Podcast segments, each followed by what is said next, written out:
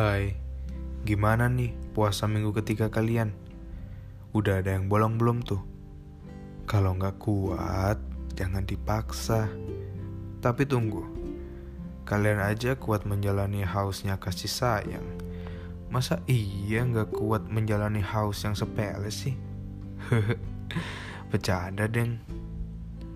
Minggu kemarin bicara perihal rekonstruksi hati. Bagaimana? Telah menjalani proses itu belum? Atau mungkin ada yang udah selesai? Selamat ya untuk kalian yang telah selesai melakukan tahap itu. Dan untuk yang belum, tetap semangat ya. Udah ada yang nunggu tuh di sana. Baiklah. Setelah babak belur pada hari itu, saya harap untuk cepat bangkit. Iya, meskipun butuh waktu yang berbeda-beda untuk bangkit. Seperti yang saya bicarakan minggu lalu. Kenapa sih harus cepat bangkit? Ayolah, buat apa menikmati sakit? Lebih baik mulai lagi. Tapi, tapi mulai lagi tidak semudah yang orang lain bilang. Seriusan ada masanya ketika seseorang telah lelah untuk menjelajah dan saatnya memilah. Mereka tidak pernah tahu bagaimana remuknya dan babak belurnya hati kalian selama ini. Mereka hanya sekedar melontarkan kata semantik yang seolah-olah itu asik untuk dilakukan.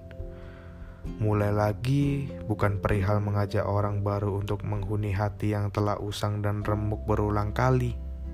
Bukan mulai lagi adalah bagaimana kita tak berekspektasi lebih tinggi kepada orang baru yang menghuni. Iya, tak usah berekspektasi. Nanti kalian yang akan mati sendiri kalau berekspektasi dan tak terpenuhi. Benar, tak usah berekspektasi. Ekspektasi bikin kalian sakit sendiri, percayalah.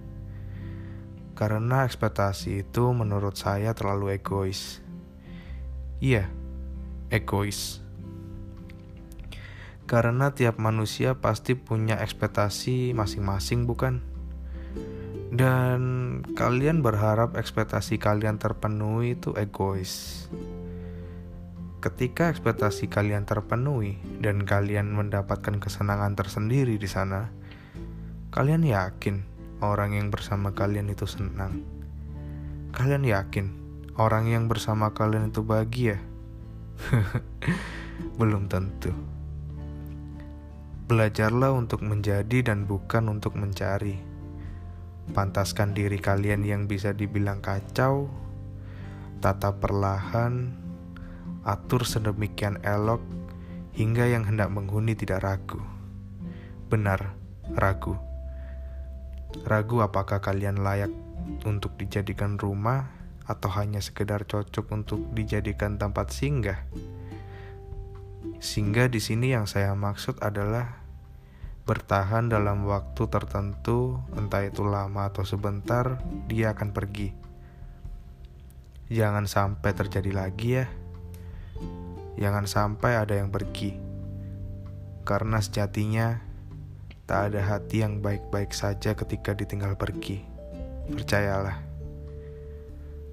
Untuk kalian yang sedang menemukan seseorang untuk mulai lagi, jangan menaruh cemas pada mereka. Mereka tak ada masalah. Mereka pun sama hanya ingin merasakan bahagia yang apa adanya. Terlihat sangat menggurui saya di sini. Padahal tidak jauh beda dengan kalian. Dan Dino ingin bercerita sedikit. Boleh? Baiklah. Dino telah melewati masa murung kemarin. Dan saya ingin berterima kasih untuk seseorang yang tidak bisa saya sebutkan di sini, tapi saya harap dia bisa dengar sih. Seseorang yang saya repotkan dengan harusnya dia dandan untuk menemui saya pada malam itu.